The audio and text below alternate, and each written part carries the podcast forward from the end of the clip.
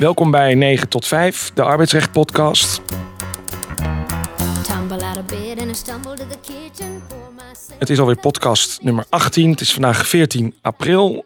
Ehm, we zijn te gast bij Art Wallast. En naast mij zit ook Ruby Samat bij de arbeidsrechtadvocaat in Amsterdam. Vandaag gaan wij het hebben over de verstoorde arbeidsverhouding.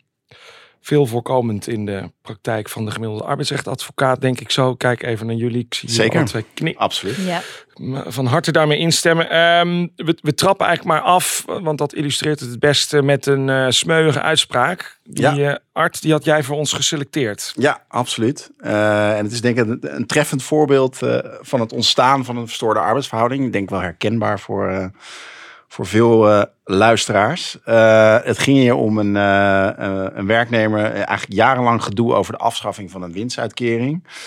En die betreffende werknemer is het hier natuurlijk niet mee eens. En ook niet zijn collega's, van wie hij de teamleider is. En op een gegeven moment komt er dan een gesprek tussen werkgever en werknemer. Waarin de werkgever een aantal dingen eigenlijk vrij eenzijdig aan de werknemer eh, aangeeft. Mhm. Eh, nou, dat hij als eh, teamleider onvoldoende zijn collega's heeft geïnformeerd over de afschaffing van de winstuitkering. Hij zich negatief uitlaat over werkgever en niet goed functioneert. Communicatie tussen hem en de werkgever al enige jaren schuurt. En dan met als klapper op de vuurpijl, misschien ook wel herkenbaar voor sommigen, eh, dat er wordt gevraagd om eens na te denken of het DNA en de bedrijfscultuur nog wel bij deze meneer passen. Kijk eens aan. Kijk, dat, is altijd, dat zijn goede vragen. Dat zijn hele gevaarlijke opmerkingen. maar. na 31 jaar. Eh, precies. Na 31 jaar. Eh 13 jaar, na 13, oh, 13, jaar. sorry. 13. Ja, Oh. ja. Ook lang. Ook lang. Ook lang. Oh ja, en even die, deze zaak speelde bij het Hof Amsterdam. Hof ik? Amsterdam. Ja, zeker. Was al een hoger beroep. En in eerste precies. aanleg eh, was er al om, eh, ontbonden. eh, Ja. Met een hoge schadevergoeding overigens voor Ja. de werkgever. En eh, nou, wat er daarna zich ontwikkelt, hè, dit was het eerste gesprek eigenlijk eh, tussen werkgever en werknemer, is dat er heel veel over en weer wordt ge-mailed. Werkgever gaat eigenlijk nooit meer inhoudelijk in op de bezwaren van de werknemer.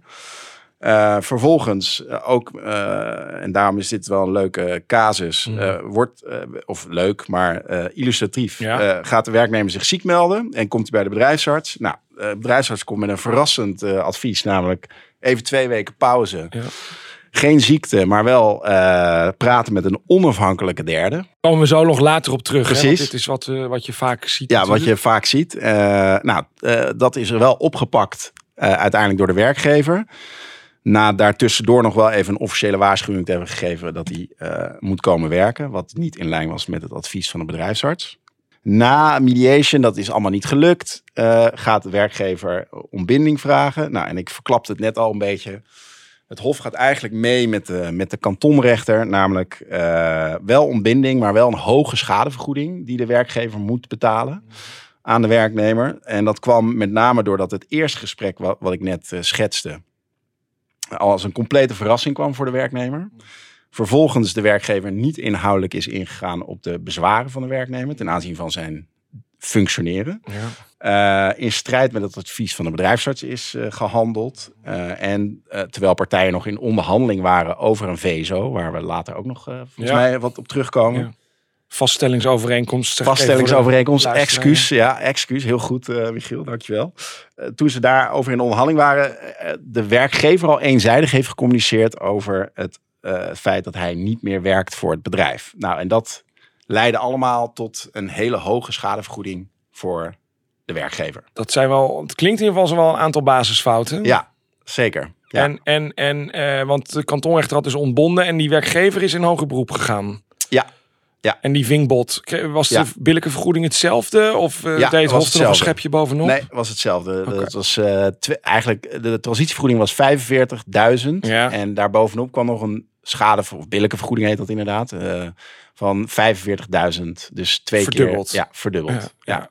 Dat is in de praktijk ook altijd lastig te voorspellen hoe hoog zo'n vergoeding is. En je ziet Ja. dan toch wel dat ze best wel vaak aanknopen eigenlijk bij de transitievergoeding. En dan, Ja. ja, die werkgever krijgt eigenlijk straf doordat die vergoeding gewoon wordt verdubbeld. Precies. Ja, Ja, dat is fors. absoluut. En Maar hij is wel zijn baan graag, kwijt. eh, hij is wel zijn baan kwijt, ja. Ja, En ja, dan heb je natuurlijk wordt er ontbonden met de opzegtermijn, maar dat is het dan ook. Ja. Want je, dit is op zich een overwinning voor de werknemer. Aan de andere Zeker. kant, eh, die werkgever zou wel kunnen zeggen: ja, eh, we moeten wel wat meer betalen, maar we zijn wel van die persoon af. Dat klopt. Eh, hoewel het in deze kwestie ook de werknemer eigenlijk zei van nou voor mij hoeft het ook niet meer.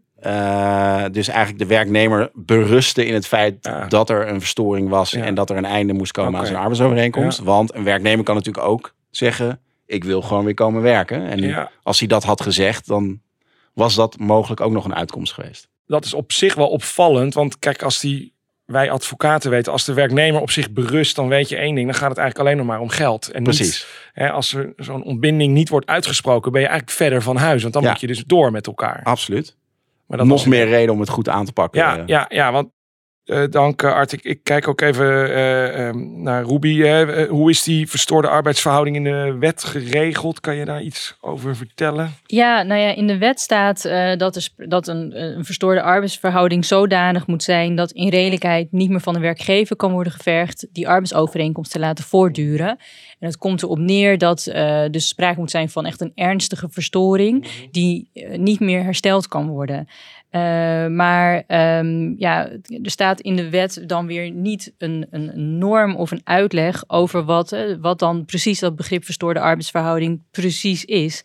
En dat maakt dat het echt heel casuïstisch is. Het is gewoon heel erg afhankelijk van de omstandigheden van het geval. Maar hij moet wel ernstig en duurzaam zijn, toch? Ja, ja, en kijk, en om het wat, wat sprekender te maken, denk ik, de situaties die, eh, ja, die wij waarschijnlijk alle drie eh, bijna dagelijks eh, te behandelen hebben, zijn, ja, is sowieso de verstoorde arbeidsverhouding als ontslaggrond. Hè, dat, ik, ik heb daar echt wel vrijwel iedere dag mee te maken. Ja. En dan de, de top drie, naar mijn idee, is wel ehm, de werknemer die eigenlijk dysfunctioneert. Ehm, en, en nou ja, het- het een beetje mens-eigen kennelijk. Eh, in ieder geval, eh, als je kijkt naar de gemiddelde Nederlander, is dat als je diegene aanspreekt op zijn functioneren, Ja. wat moet volgens de wet. Hè? Dat, eh, Ja. Je moet in gesprek, je moet iemand Ja. een kans geven te verbeteren. Ehm, ja, dan uh, de, de gemiddelde Nederlander is daar niet zo heel erg van gediend, Nee. om het zo te zeggen. Ik maak zelf wel uit of ik goed functioneer. Ja. ja, ja. Dus eh, Wat ja. ook logisch is. ja, waar hebben we het over? Wat is hier het probleem? Nee.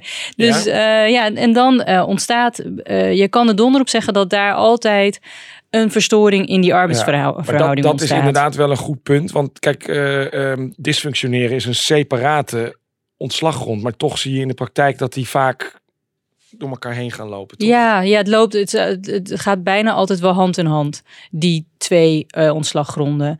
Ja, je, goed, dan wordt het te tech, eh, misschien te technisch Nou, om. ja. eh, hè, je, hebt, eh, je kan als, als, als werkgever kan je bij een niet goed dysfunctionerend dossier, ja, bijvoorbeeld aansturen op een verstoorde arbeidsrelatie. Ja, En dan naar de rechter gaan. En dan heb je de zogeheten Asher Escape.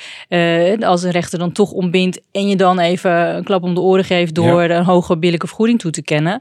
En dan is dat is de afweging voor de werkgever. Van ja, wil ik nu van iemand af met een, eh, een korte klap als het ware. Dan betaal ik in één keer wat meer. ja. Of, eh, want je ziet vaak ook een werknemer die dan vlucht in, eh, in ziekte. Waar we Ja. er straks nog over komen te spreken. ja. Ehm, en dan heb je iemand nog heel lang op de loonlijst. En dan kan je gaan mediaten en weet ik wat. En dan duurt het gewoon nog heel lang. Dus ja, dat is een afweging. De Asher Escape vernoemd naar minister Ascher die de, Ja. de wet natuurlijk, de ontslagwet in elkaar heeft getimmerd. Maar dat was eigenlijk niet de bedoeling. Hè? Nee. Het idee was van je moet gewoon een eh, voldragen ontslaggrond hebben. Ofwel dysfunctioneren of verstoring, SEC. Ja. Maar er is toen inderdaad toch gezegd, ja, eh, eh, als het vanwege bijvoorbeeld een rammelend dysfunctioneren dossier zo verstoord is dat partijen niet door één deur meer kunnen, dan, dan kan een rechter toch ontbinden, maar dan krijg je een harde tik op je vingers. Ja, en nogmaals, dat doet zich dus bijna altijd voor. Want Ja. zodra je met die werknemer in gesprek gaat over het functioneren, ontstaat er ofwel aan het begin ofwel halverwege altijd wel Ja. iets van een verstoring. Ja, dat is natuurlijk de, de theorie toen, want we kennen ook allemaal wel die, die parlementaire behandelingen, of in ieder geval eh, hebben we dat nagelezen. Eh, het is natuurlijk een utopie om te denken dat je die gronden in de praktijk ook los van elkaar kan blijven zien. Want het, ja, het is nu eenmaal vaak zo dat die werknemer het er niet mee eens is dat hij niet functioneert. Eh, en dan ligt een ziekmelding ook op de loer natuurlijk. Eh, Art, kan jij daar nog iets over, eh, eh, over zeggen? Van, hè, hoe, hoe ga je nou als werkgever mee om? Je, je spreekt iemand aan op een eh, voorval of Mhm. op zijn functioneren. Mhm.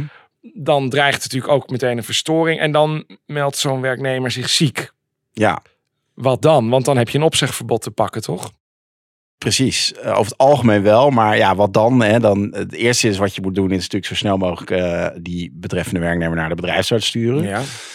Eh, en de bedrijfsarts heeft ook de mogelijkheid om te zeggen: het is een arbeidsconflict en dus geen sprake van ziekte. En wat ik altijd adviseer, in ieder geval, is dat een werkgever mag natuurlijk contact opnemen met de bedrijfsarts om in ieder geval hè, de, de omstandigheden te schetsen aan de bedrijfsarts op basis waarvan deze werknemer zich ziek heeft gemeld. En je Want- verbaast je erover hoe vaak werkne- werkgevers dat niet doen. Hè? Dat ze gewoon die bedrijfsarts inschakelen en de werknemer naartoe laten gaan. Ja. En dan maar afwachten wat eruit komt rollen. Precies. Precies. Maar dus- veel werkgevers die snappen de rol van de bedrijfsarts ook niet. Die denken Nee. dat dat een soort van externe instantie is eh, die hen overkomt. Wat natuurlijk niet helemaal waar is. Want hij is Nee. verbonden aan een arbodienst die jij moet inhuren en betalen. Ja, maar het is- Ja, het is wel een onafhankelijk ja. Ja. persoon natuurlijk, maar een onafhankelijk persoon, net zoals een mediator.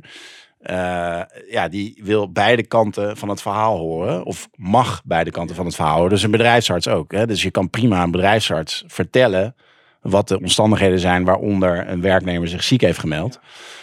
Zonder de bedrijfsarts te willen beïnvloeden, maar gewoon het, gewoon het verhaal vertellen wat er is gebeurd. Eh, en op basis daarvan kan een bedrijfsarts een, denk ik, een prima beoordeling maken, een onafhankelijke beoordeling, of er sprake is van daadwerkelijke arbeidsongeschiktheid, wat soms natuurlijk wel eh, kan zijn.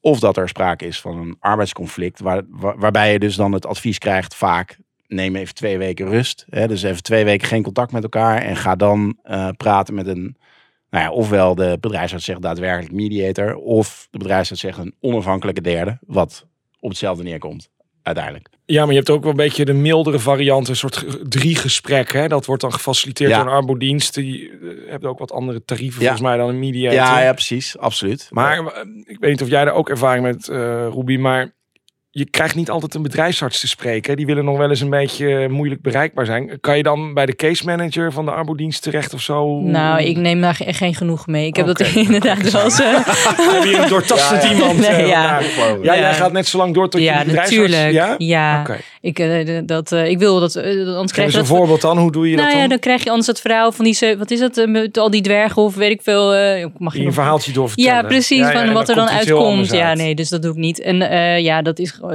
het is gewoon simpel. Eh, ik wil gewoon de bedrijfsarts spreken. En verder, eh, die kan dan de afhandeling met de case manager bespreken. Maar ja, het, dus- overleg, daar moet gewoon tijd voor ingeruimd worden. Een telefonisch consult, 10 minuten of kwartier voordat het consult met eh, die werknemer plaatsvindt. Zo wordt het in de, tenminste in mijn praktijk vaak, eh, zie ik dat vaak. Zo adviseer jij je klanten.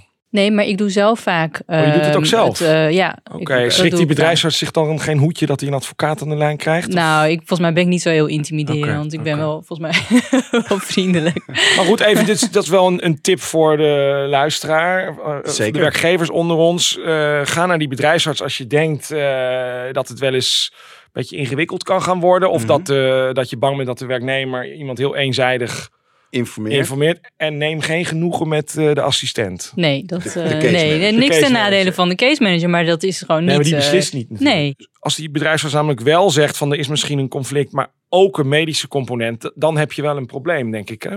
Dan wordt het wat eh, ingewikkelder inderdaad. Eh, en sterker nog, je, je dreigt ook in een soort van catch-22 terecht te komen als je eh, een advies krijgt van het probleem moet eerst opgelost worden en dan pas kan er gereïntegreerd worden. Want Ja, dat Het- is altijd lastig in de eh, praktijk. precies, eh, want die adviezen kom ik ook tegen Hoe ga van je een bedrijfsarts.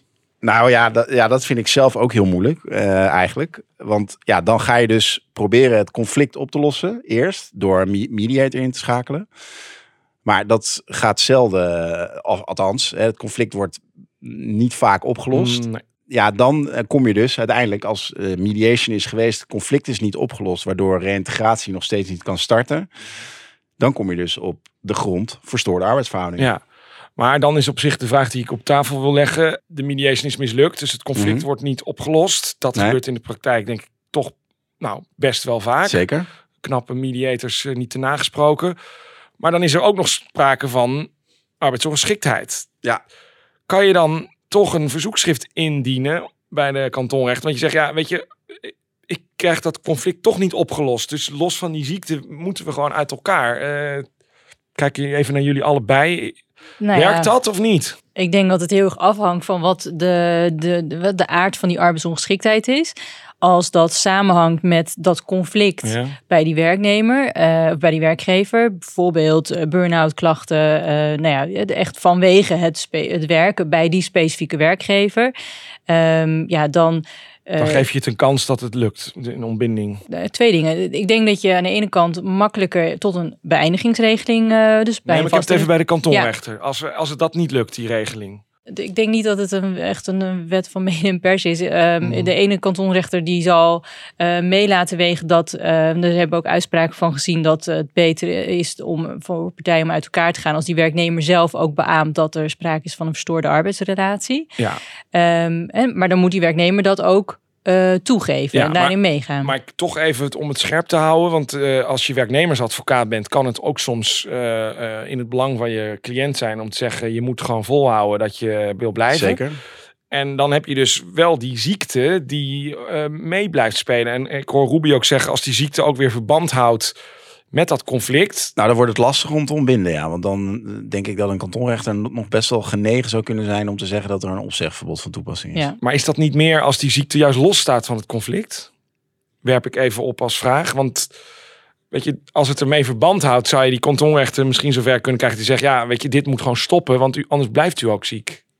Nou ja, kijk, we hebben bijvoorbeeld eh, begin dit jaar was er nog bijvoorbeeld een uitspraak waarin, als ik het goed zeg, eh, dat er was dus ook inderdaad sprake van ziekte eh, vanwege het conflict. Mhm. Ehm, en daar ging die werknemer er echt de hele tijd met een gestrekt been in.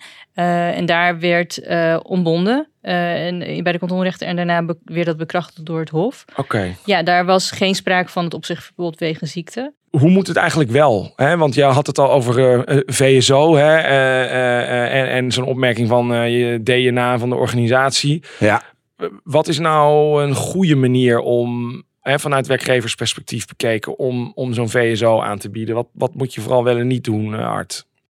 nou ja, dan heb je twee dingen. Je hebt de, timing natuurlijk, wanneer je het aanbiedt. En wat je wil gaan Ja? aanbieden. Beginnen Eh, bij de timing. Ja, ja, precies, timing.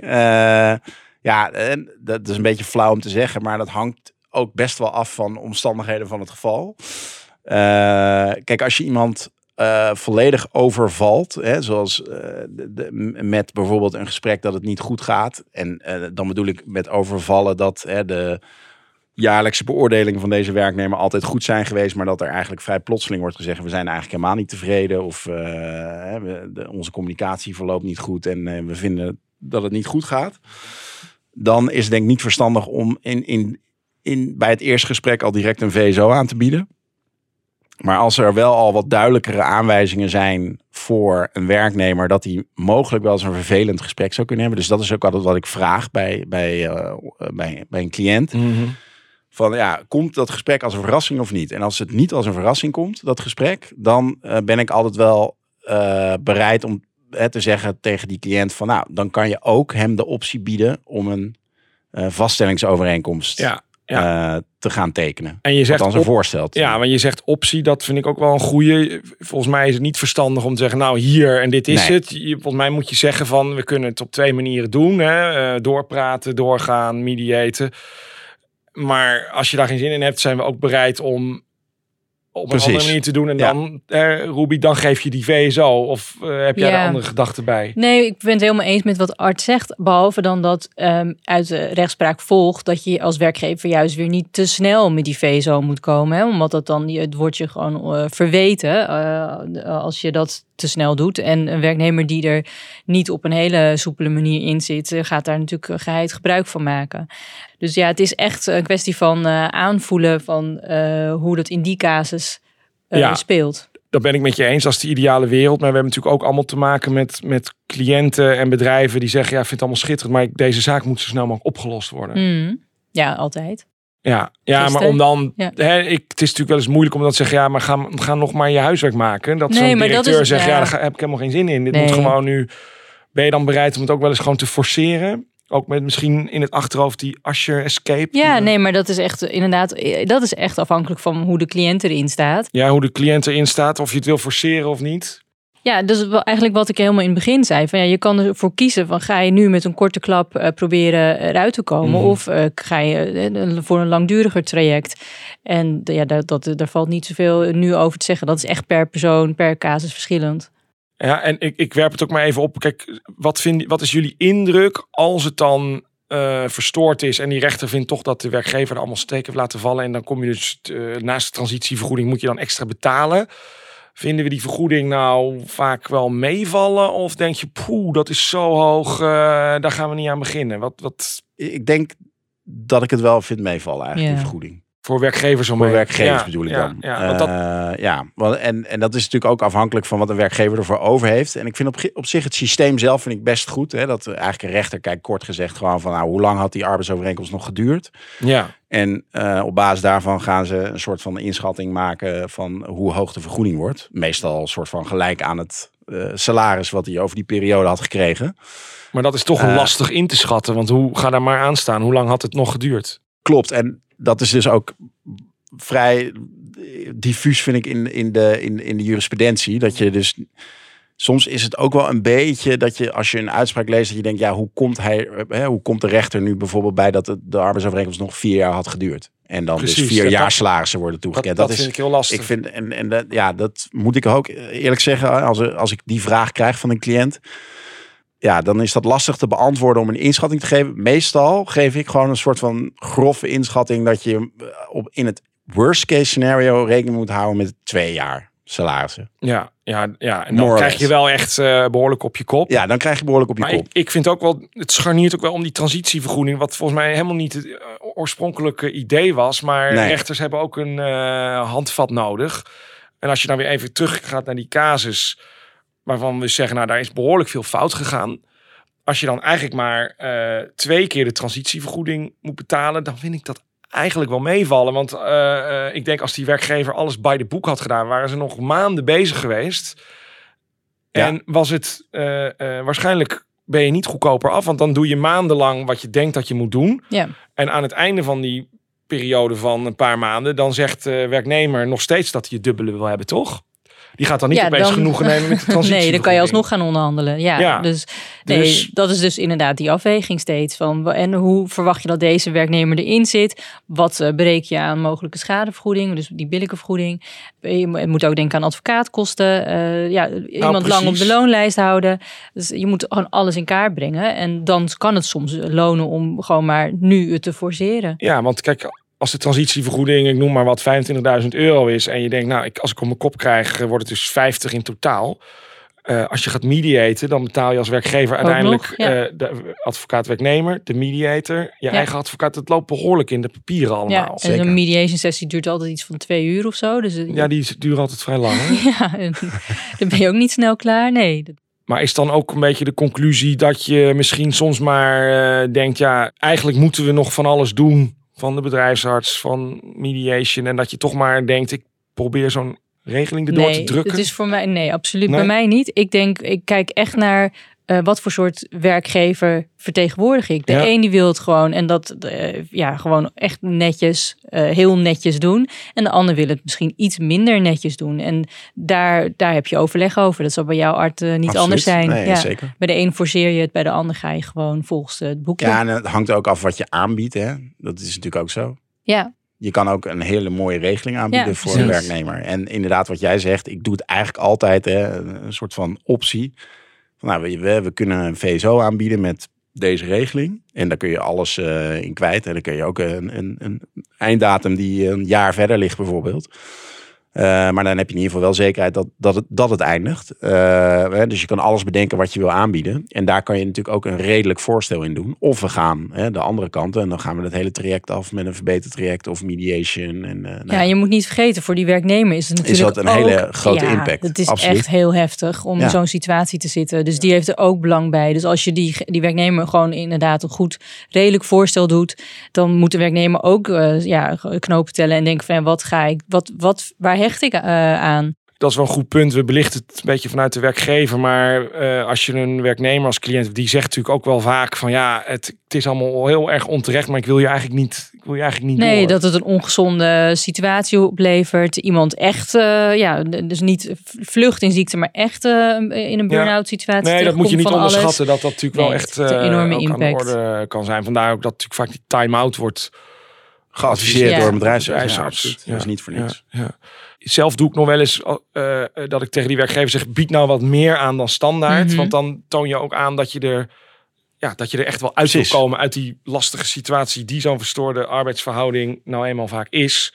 Exact. Dat zijn jullie. zo Ja, daar ben ik helemaal met je eens. Ja, Ja. dat is. eh, ja, en wat Ruby net ook zei: van het, het voelt misschien dat je meer aanbiedt dan alleen maar de opzichttermijn en transitievoeding, wat je dan ook doet. Ja. En het voelt misschien dat je dan te veel aanbiedt, maar je voorkomt daar ook wel hè, de, de tijd die je dan anders had moeten besteden aan een verbeterd traject of mediation of misschien wel inderdaad een reïntegratie. Het is wel wat waard en Ja. ja, ja Maar ja, soms is het natuurlijk wel zo dat die.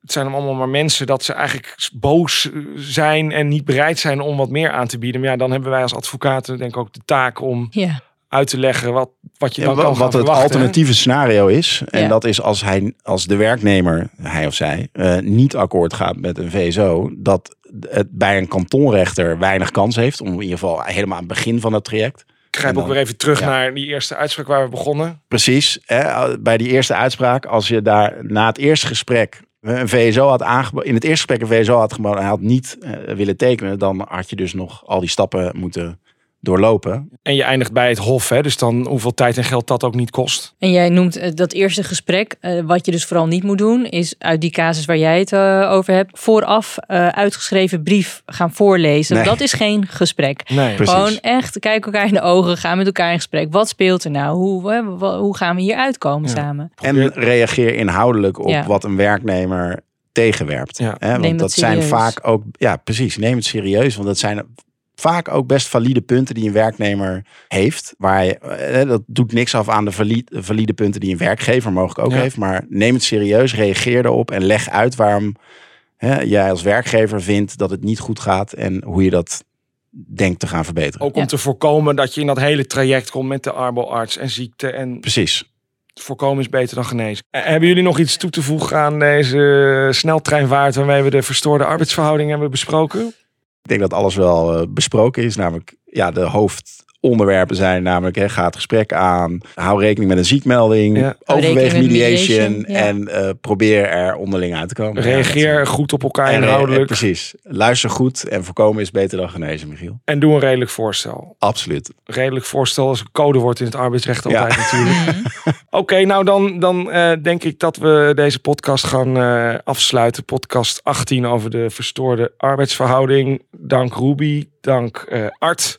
Ook voor het hosten van deze podcast. Dat kan de luisteraar natuurlijk niet zien, maar we zitten hier in een hele mooie eh, ruimte. Eh, je kan voor alle gegevens terug naar de website 9 tot 5 podcast.nl. En dank voor het luisteren.